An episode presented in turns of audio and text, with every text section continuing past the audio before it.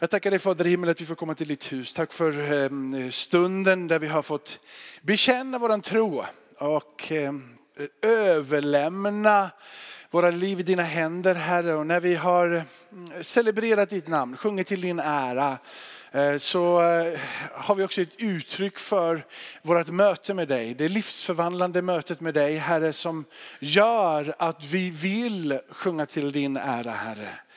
Eh, ibland så känns du långt borta, men du är alltid nära.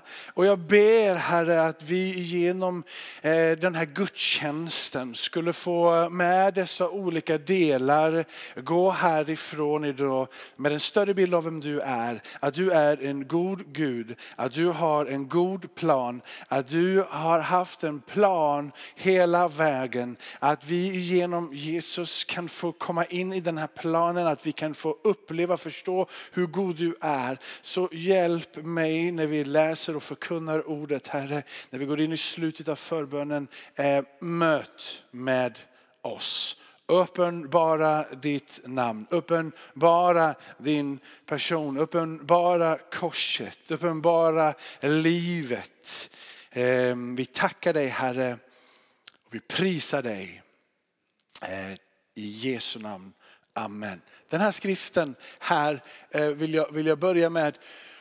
Och min tanke är idag, alltså man brukar ibland slänga ut att Gud är en god Gud och Gud har en plan för ditt liv. Och jag skulle vilja försöka att, eh, att, att göra den här lilla resan för att lägga någon form av liksom så här, mm, Gud vet om du är och Gud har en god plan för dig. På grund av att han har en god plan för alla.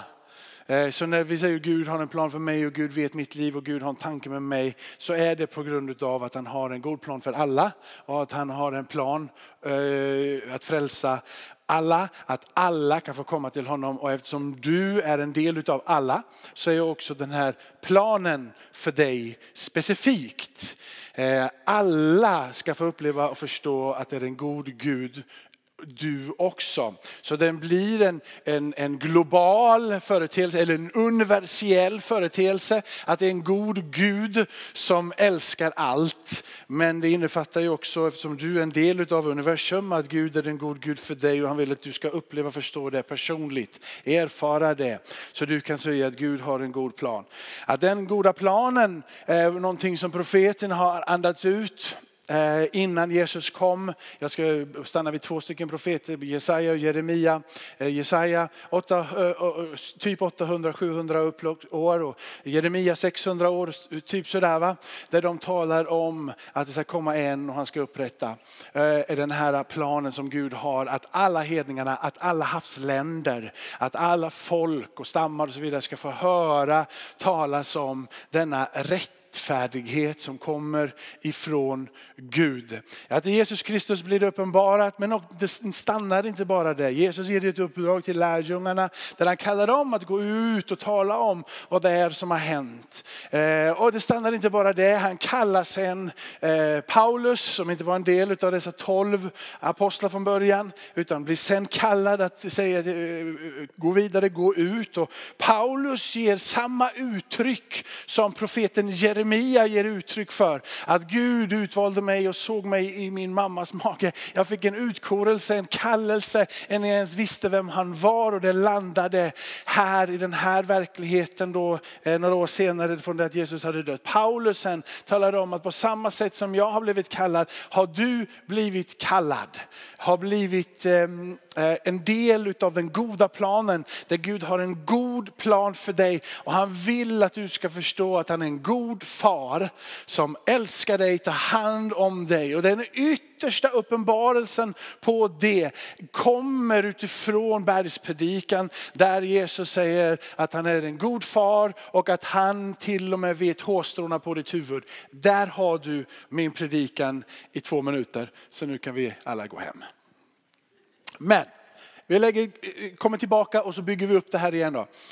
Saliga Eh, detta är från Saltaren. det står där nere, ja. kapitel 1, vers 1, 2 och 3. Saliga, eh, eh, saliga är den som inte följer det ogudaktigas råd, som inte går in på syndarens väg eh, och sitter bland föraktare, eh, bespottare, lögnare. Utan har sin glädje i Herrens undervisning, begrundar hans ord både dag och natt. Han är som ett träd planterat vid vattenbäcken som bär frukt i rätt tid och vars löv inte vissnar och allt han gör lyckas väl. Eh, det finns någonting som du och jag ska begrunda. Det är det som Gud säger att han är. Det som Gud säger att han vill göra. Det som Gud eh, säger är tanken med dig, med mig, med mänskligheten, med hans universum. Det är det som han vill att du ska begrunda. Det är det han vill att du ska tänka på dag och natt. Och eh, där har du fått då Bibeln och eh, fått skriften, inte bara det gamla testamentet utan nya testamentet. Du har fått hela den här skriften. Eh, och vi får ta det någon annan gång hur det här har tillkommit och hur det finns där för dig och mig idag. Men när vi läser det så kan vi förstå Guds tankar. Vi kan förstå Guds vilja. Vi kan lära känna Gud för den som han är och vi kan förstå vilka vi är i Guds ögon och vad Gud har tänkt för dig och mig. Därför så är det så viktigt att begrunda det som han säger. Att stanna av i det, stanna upp vid det och försöka förstå vad det är han vill. När vi förstår vad det är han vill och när han talar till oss om vilka vi är så blir vi ett träd som är planterat vid vattenbäckar. Vi blir en Herrens terabint som det står om i Jesaja 61. Planterade utav Herren själv in i det som han är och det som han vill. Han tar dig och mig och planterar dig och mig in i hans vilja in i hans plan. Innan du visste vem han var så såg han dig. Innan du ens kunde gensvara på hans kärlek så älskade han dig. Innan du kunde säga här är jag, sänd mig. Så hade han redan sett dig och planerat och tänkt för dig. När du begrundar ordet så kommer du att vilja och du kommer att förstå vad Guds vilja är och vad Guds gärningar är. När du mediterar och begrundar ordet och förstår hans vilja och hans gärningar, då lyckas du i allt du gör. Du lyckas väl. Det står inte där att du kommer aldrig mer ha en svårighet. Det står inte där att du aldrig mer kommer ha ett problem. Men om du drar det här och jag ska visa det sen in i Paulus undervisning så säger Gud att det verk som han har börjat i dig och mig, det kommer han att fullborda. Och han fullbordar det genom att du förstår hans vilja. Du förstår vem Gud är. Så Gud har en god plan. Eh, jag läste någonstans eh, med ett litet, då, om ett citat, eller som en, en förklaring eh, på de här texterna. Och jag tyckte det var så vackert så jag skrev upp det. Det, det, det var ju mer skrivet men, men jag bara tog ut en mening därifrån. Ju mer vi solar i Guds glädje och låter Guds närvaro och hans ord lysa över oss desto mer uppmuntrar vi glädjens ande som är inom oss. Han har gett av sin ande och när vi låter ordet lysa så gläds vi på insidan. Vi får liv för han är liv och han ger liv. Så eh, nästa, nästa, bibel, nästa bibelvers Eh, här har du då till exempel från Jesaja, läs gärna från vers 1 hela vägen till vers 9. Det är en, en fantastisk eh, eh sammanhang här. Eh, men Guds stora väldiga plan av att befria de fångarna och så vidare som du går in i.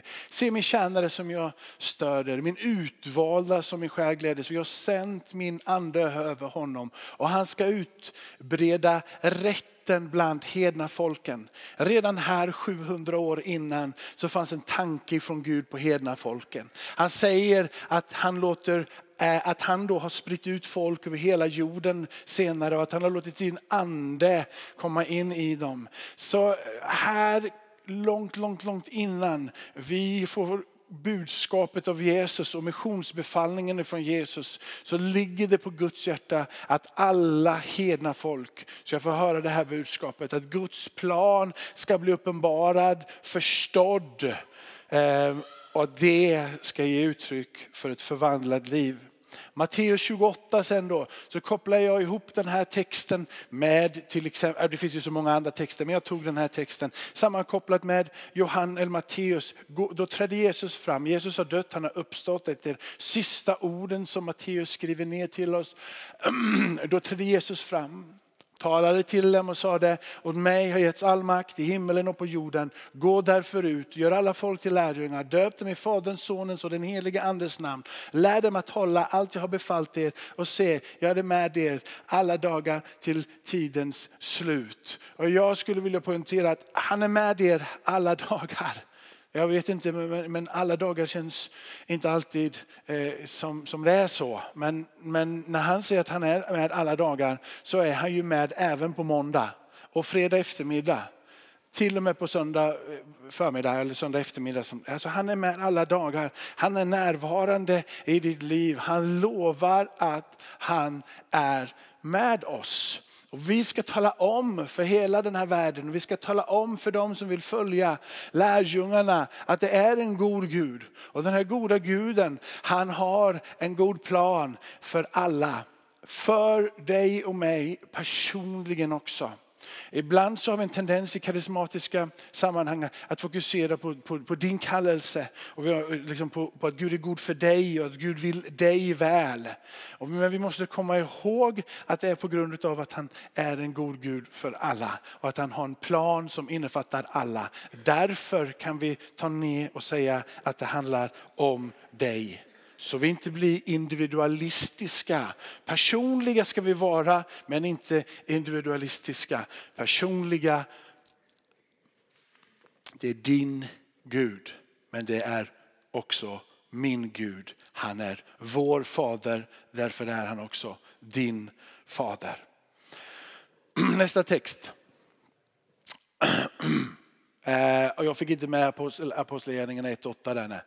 Apostlagärningarna 1 8. När den helige ande kommer över er ska ni få kraft att bli mina vittnen i Jerusalem, den lilla eh, eh, cirkeln då, Judeen, lite lite större, Samarien lite lite större, Samarien som inte man, man gick in i om man var jude, det var liksom förbjudet, men dit kallar er, och inte bara denna yttre cirkel där man inte fick vara utan ännu större cirkel ut till jordens yttersta gräns. Så uppfyllelsen utav profetian i, i i Jesaja 42 att alla hedna folk börjar komma till sin rätta och sin plats här när han säger vänta. För när ni väntar i Jerusalem anden ska fylla er och ni ska bli vittnen ända till jordens yttersta gräns. Och budskapet som ska predikas är att det är en god Gud som har en frälsarplan och att han ser dig, han vet vem du är och han värnar och han vårdar dig personligen. Eh, när Israels folk är i fångenskap i Babel under Nebukadnessar så profeterar profeten Jeremia om deras befrielse därifrån i kapitel 29. Och eh, han talar ut Guds tanke, Guds idé för vad de är på väg för någonstans. Ni är inte lämnade, ni är inte bortglömda. Jag vet vilka ni är och jag vet vilka tankar jag har för er säger Herren. Det är nämligen fridens tankar, inte ofärdens, utan jag vill ge er en framtid och ett hopp. Gud har en god plan för våra liv. Och Gud vill att vi ska lyckas i det som vi företar oss. Gud vill att du ska känna, uppleva och förstå att han är en god far som är med dig, tänker på dig, till och med så som vi sa i bergspredikan, hårstråna på ditt huvud. Han vet vem du är. Du behöver inte frukta, du behöver inte vara rädd, du behöver inte känna dig vilsen. För det finns en Gud som ser dig, en Gud som är med dig, en Gud som vakar över dig. Så när fruktan och rädsla kommer över dig så är egentligen det bara en illusion. utav någonting som du känslomässigt erfar. Verkligheten är en helt annan. Verkligheten är att Gud känner dig vid namn och att Gud är med dig. Att Gud vakar över dig. Att Gud aldrig någonsin lämnar dig ensam. Han vill att du ska förstå att han är en god far som tar hand om dig och vårdar dig.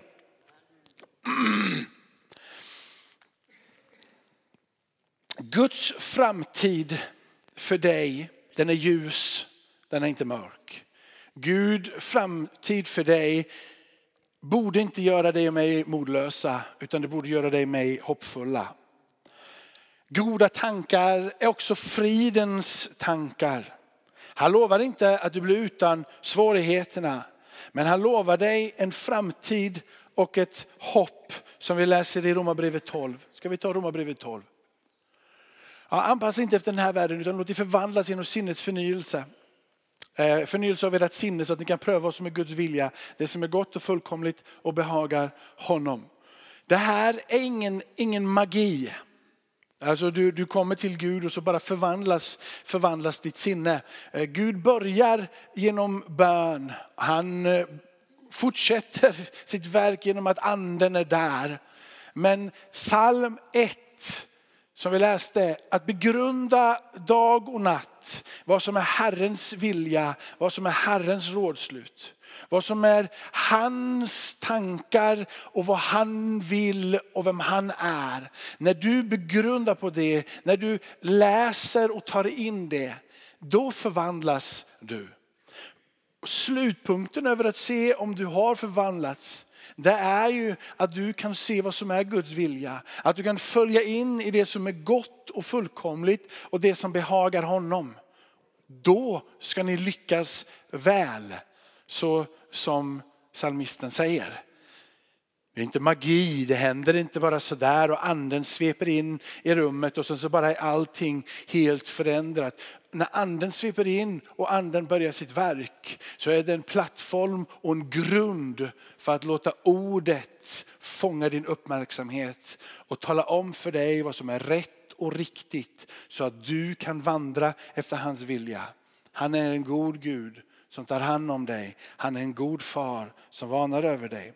Jag skulle vilja säga att grunden för ett kristet liv, grunden, plattformen för att leva ett kristet liv är självklart frälsningen, uppståndelsen från det död, korsets och döden, uppståndelsen och så vidare. Men när du kommer in, det är någonstans att förstå att Gud har en god plan för dig.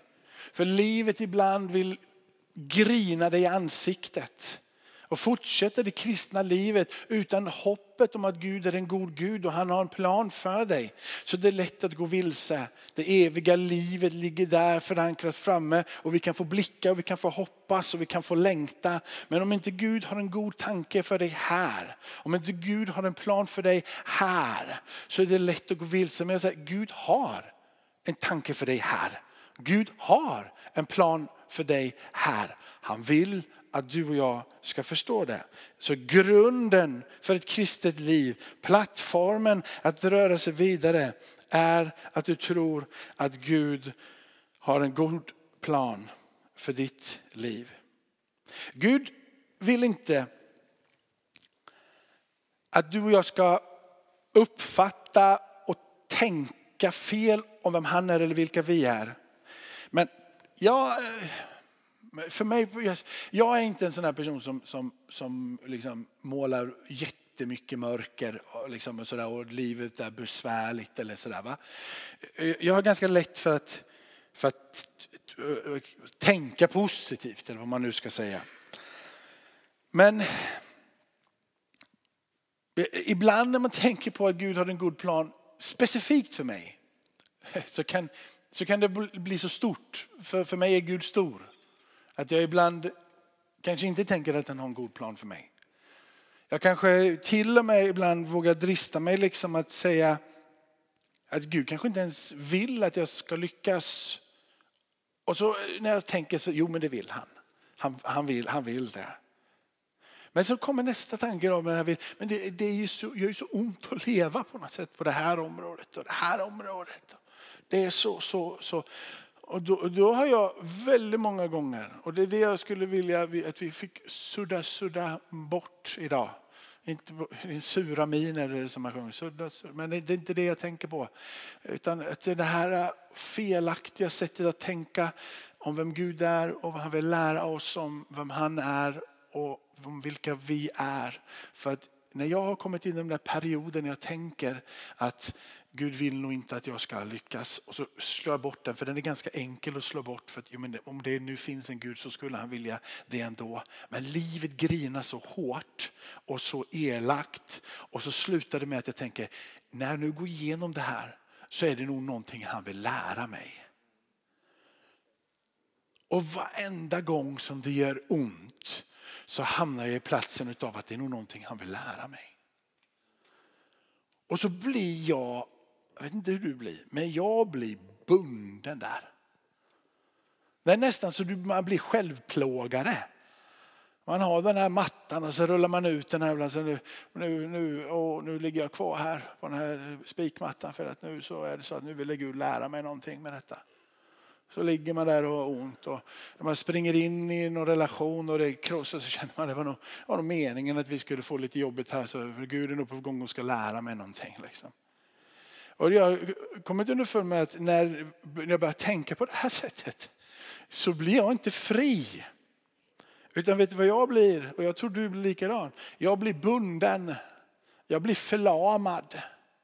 Och så börjar jag söka efter det som om möjligen Gud skulle kunna lära mig i den här situationen. Istället för att titta på vem han är och vad han säger. Han säger att han har en tanke med mitt liv på grund av att han har tanke för allas liv. Han säger att han har ett hopp för mig, att han har en framtid för mig, att han är god för mig för att han har en framtid och han är god för alla. Och så får jag hitta mig själv i befrielsen i vad Gud säger och lära om vem han är och vem jag är.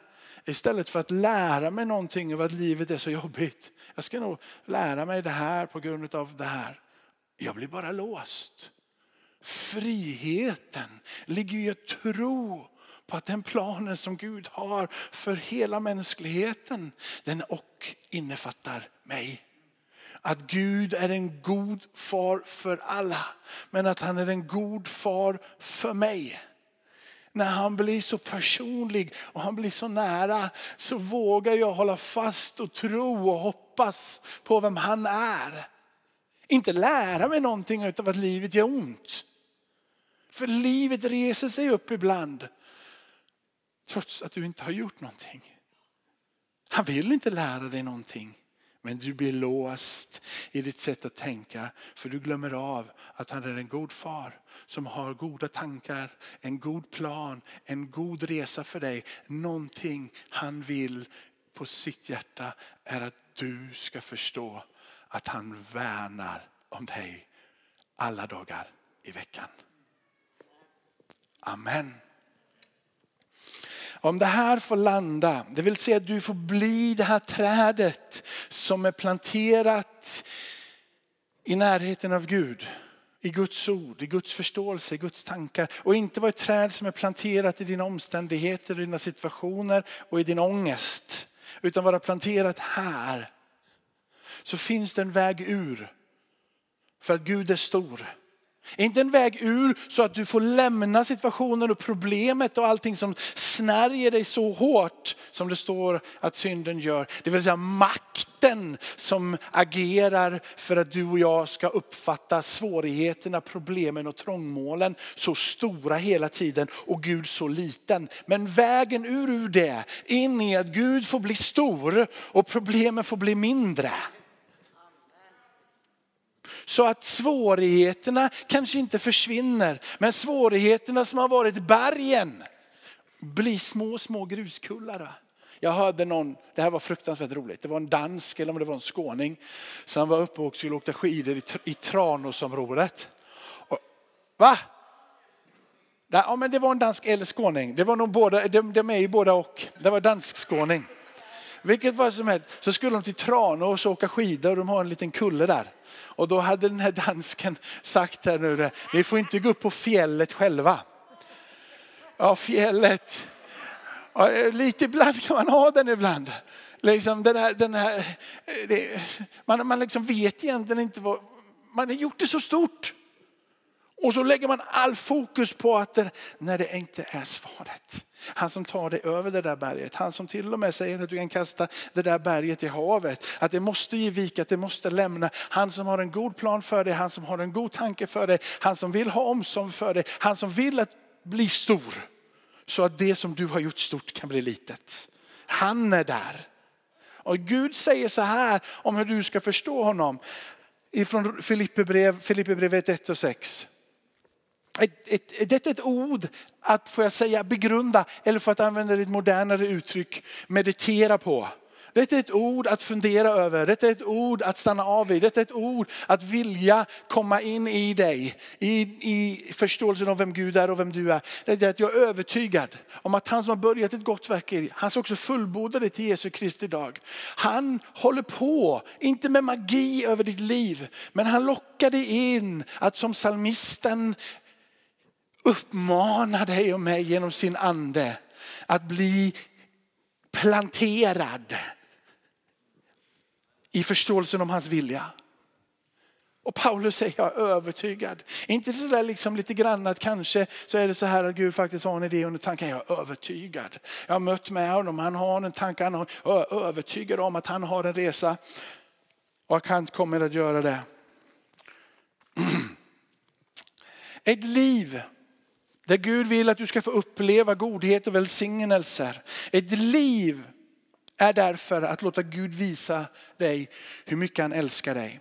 När Bibeln pratar om att förstå Guds godhet och Guds välsignelse så är det det yttersta uttrycket för att det liv som du lever, att du ska förstå att han älskar dig och att han manar för dig. Det finns ingen djupare välsignelse än att förstå att du är sedd av Gud och älskad av Gud.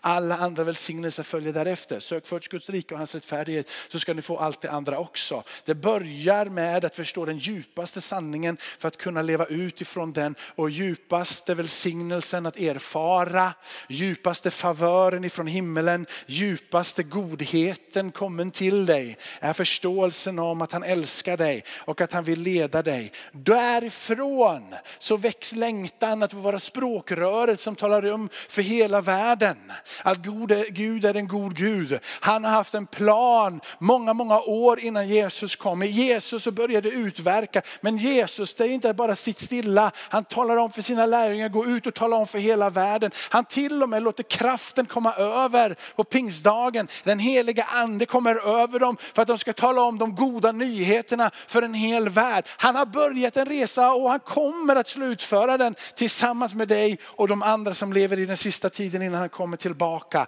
Han har börjat ett gott verk i dig och han vill fullborda det genom att du säger ditt ja och ditt amen. Att du letar och försöker förstå och han uppenbarar hans goda vilja för ditt och mitt liv. Att leva för andra är att fullborda Guds plan. Man brukar säga rent krasst sådär att men hjälper du andra så blir du lycklig själv. Och ytterst sett så är det en kallelse från himlen. Att du har fått tagit emot någonting och nu ska du gå ut och ge det till en hel värld uppfyllelsen av Guds godhet, hans plan är att du och jag ger vidare det som du och jag har fått. Att engagera sig frivilligt i föreningsliv och andra saker som vad det nu må vara. Att helt enkelt inte leva för sig själv utan leva för andra. Gör någonting på din, på din insida. Det kan alla, säger alla. sådär. Men om du helt enkelt lever ditt liv riktat emot han som har skapat hela universum. Där all din kraft och styrka ligger utanför dig själv. Där inte själv uppfyllelse eller självbekräftelse eller någonting som har med dig att göra är din drivkraft och motivation. Utan han som är utanför dig själv, han som är objektet för din tro är både ditt startpunkt och din slutpunkt. Han är både början och slutet. Han är all din kraft. Så finns det oändlig nåd och kraft för ditt liv. Att leva för någonting som är större än dig själv är kallelsen ifrån Gud. Att leva för någonting som är större än dig själv. Att få uppleva den här friden i att inte leva för dig själv är total tillfredsställelse. Att få uppleva någonting som är större än dig själv och erfara dess kraft och ta emot dess smörjelse och bli och vara en välsignelse för det som är runt omkring dig, runt omkring dig är på något sätt uppfyllelsen utav de profetior som har talats innan. Sitt Crescendium Jesus och förlöpningen och utloppet i dig och mig in i den här tiden. Jeremia säger, jag blev kallad i kapitel 1 i Jeremia i min mammas mage. Paulus ger en uttryck för att jag blev kallad på vägen till Damaskus. Gud såg mig, Gud rörde vid mig. Abraham blev kallad att vara en välsignelse för alla folk. Gud såg han och Gud kallade han.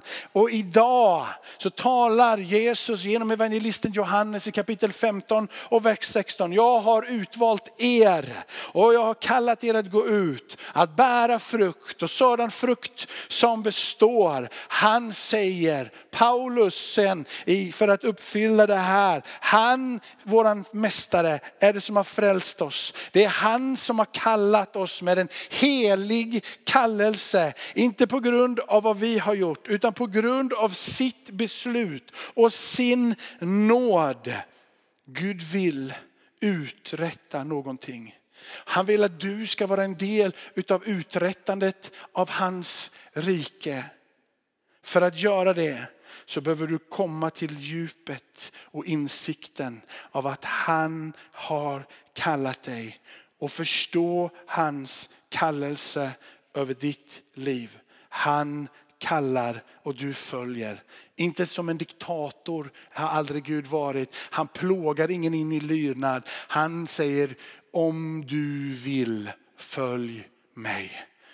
Inget ok hos Jesus. Hans börda är lätt. Ska vi gå till Galaterbrevet 1? Jag, jag tror ni förstod att jag snabbade på lite grann. För att jag ser på klockan att det, det springer iväg. Galaterbrevet 1. Han som utvalde mig redan i moderlivet och kallade mig med sin nåd. Beslöt att uppenbara sin son i mig för att jag skulle kunna förkunna evangeliet och honom bland hedningarna. Det gäller Paulus, men det gäller också dig och det gäller mig. Djupast sett så förstod Paulus sin kallelse från Gud, sedd av honom. Där ligger kraften. Inte i att du känner att jag vill nog predika för det här. Jag vill nog tala om för hela världen det här. För att du mår bra av det. Eller för att du känner att det känns vettigt och viktigt och riktigt. Även om det gör det. Men då kommer du också att tröttna. Men om du reser dig upp och säger ja, vet vem min Gud är. Och min Gud är det som har rört vid mitt hjärta. Jag gör det för någonting som är utanför och bortanför mig själv. Det är ingen självuppfyllelse som jag håller på med. Utan jag agerar med de profetiska orden ända bak ifrån de gammaltestamentliga profeterna. Uppfyllelsen genom Jesus, apostlarnas ord och Paulus ord om att Gud vet vem du är. Han har en god plan för hela sin skapelse. Han har en god plan för dig. Det glada budskapet om att Jesus Kristus är Herre, uppstånden ifrån de döda, regerar ifrån evighet till evighet. En snart kommen tillbaka kung i sin härlighet för att du och jag evigt ska få vara tillsammans med honom. Gud vet vem du är. Amen. Gud vet vem du är. Gud har ett initiativ och han vill att du gensvarar. Gud vill att du gensvarar. Han är initiativtagaren i alla årtionden, i alla århundraden, i alla årtusenden. Han är initiativtagare till universum. Han är initiativtagare till dig. Han är initiativtagare till din kallelse. Han är initiativtagaren. Du står inte på en bräcklig grund. Du står på en fast klippa. Antingen är Gud allting det han säger eller, eller är han ingenting av det han säger. Där är den enda skiljelinjen. Antingen är han allting han säger eller är han ingenting av det han säger. Och det beslutet är det viktigaste beslutet om du vill att Jesus ska bli din frälsare och Herre. Men om han också är och vill och du vill att han ska vara din frälsare och Herre så kan han inte vara någonting mittemellan. Antingen är han allting det han säger att han är eller är han ingenting av det han säger att han är. Och om han är allting det han säger att han är så är han en god Gud som har en god plan för hela mänskligheten och för dig. Amen, ska vi stå upp tillsammans?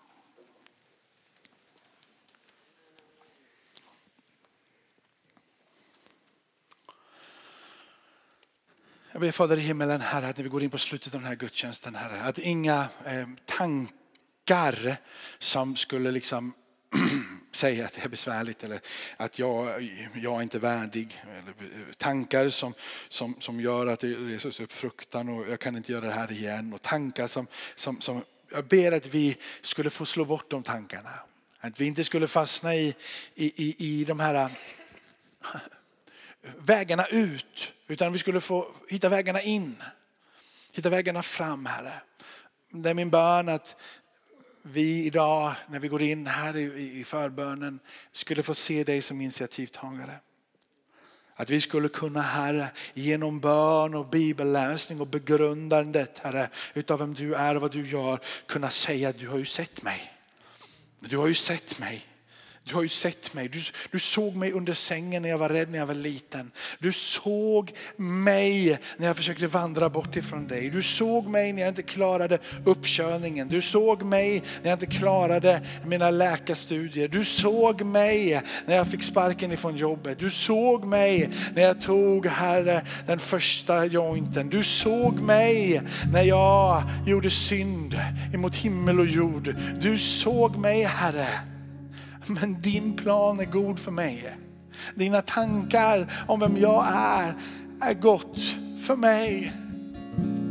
Åh, jag ber Herre, kom Herre. Låt varje person som är här idag, Herre, lyssna på den här predikan på nätet sen, Herre, skulle få säga, jag har blivit sedd av Gud. Jag har blivit sedd av Gud. Min Gud är en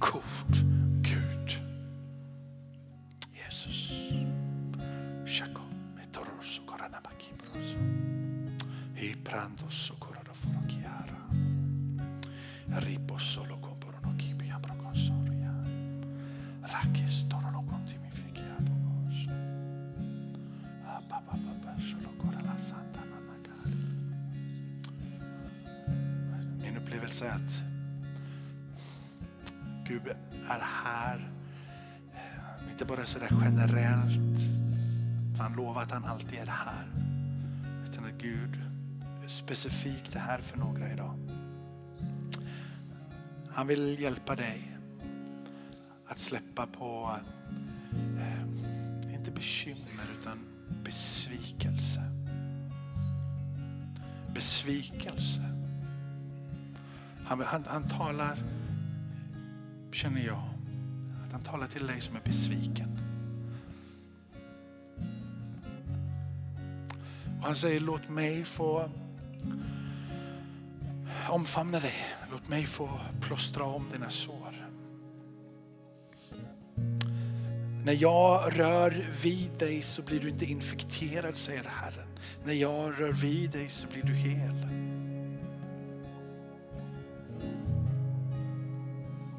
Upplever det nästan som att du vet en sån här en gås, det kommer bara det studsa bort liksom att det här, Gud, det Gud gör på dig, vill göra med dig är som att det, den där besvikelsen studsar bort. Du, du undrar nästan var hela världen har tagit vägen. Och det som har hemsökt mig så många gånger har studsat bort. när tankarna kommer om situationen så har de inte längre möjlighet att bli berg och studsa bort. Det är vad jag upplever Gud säger.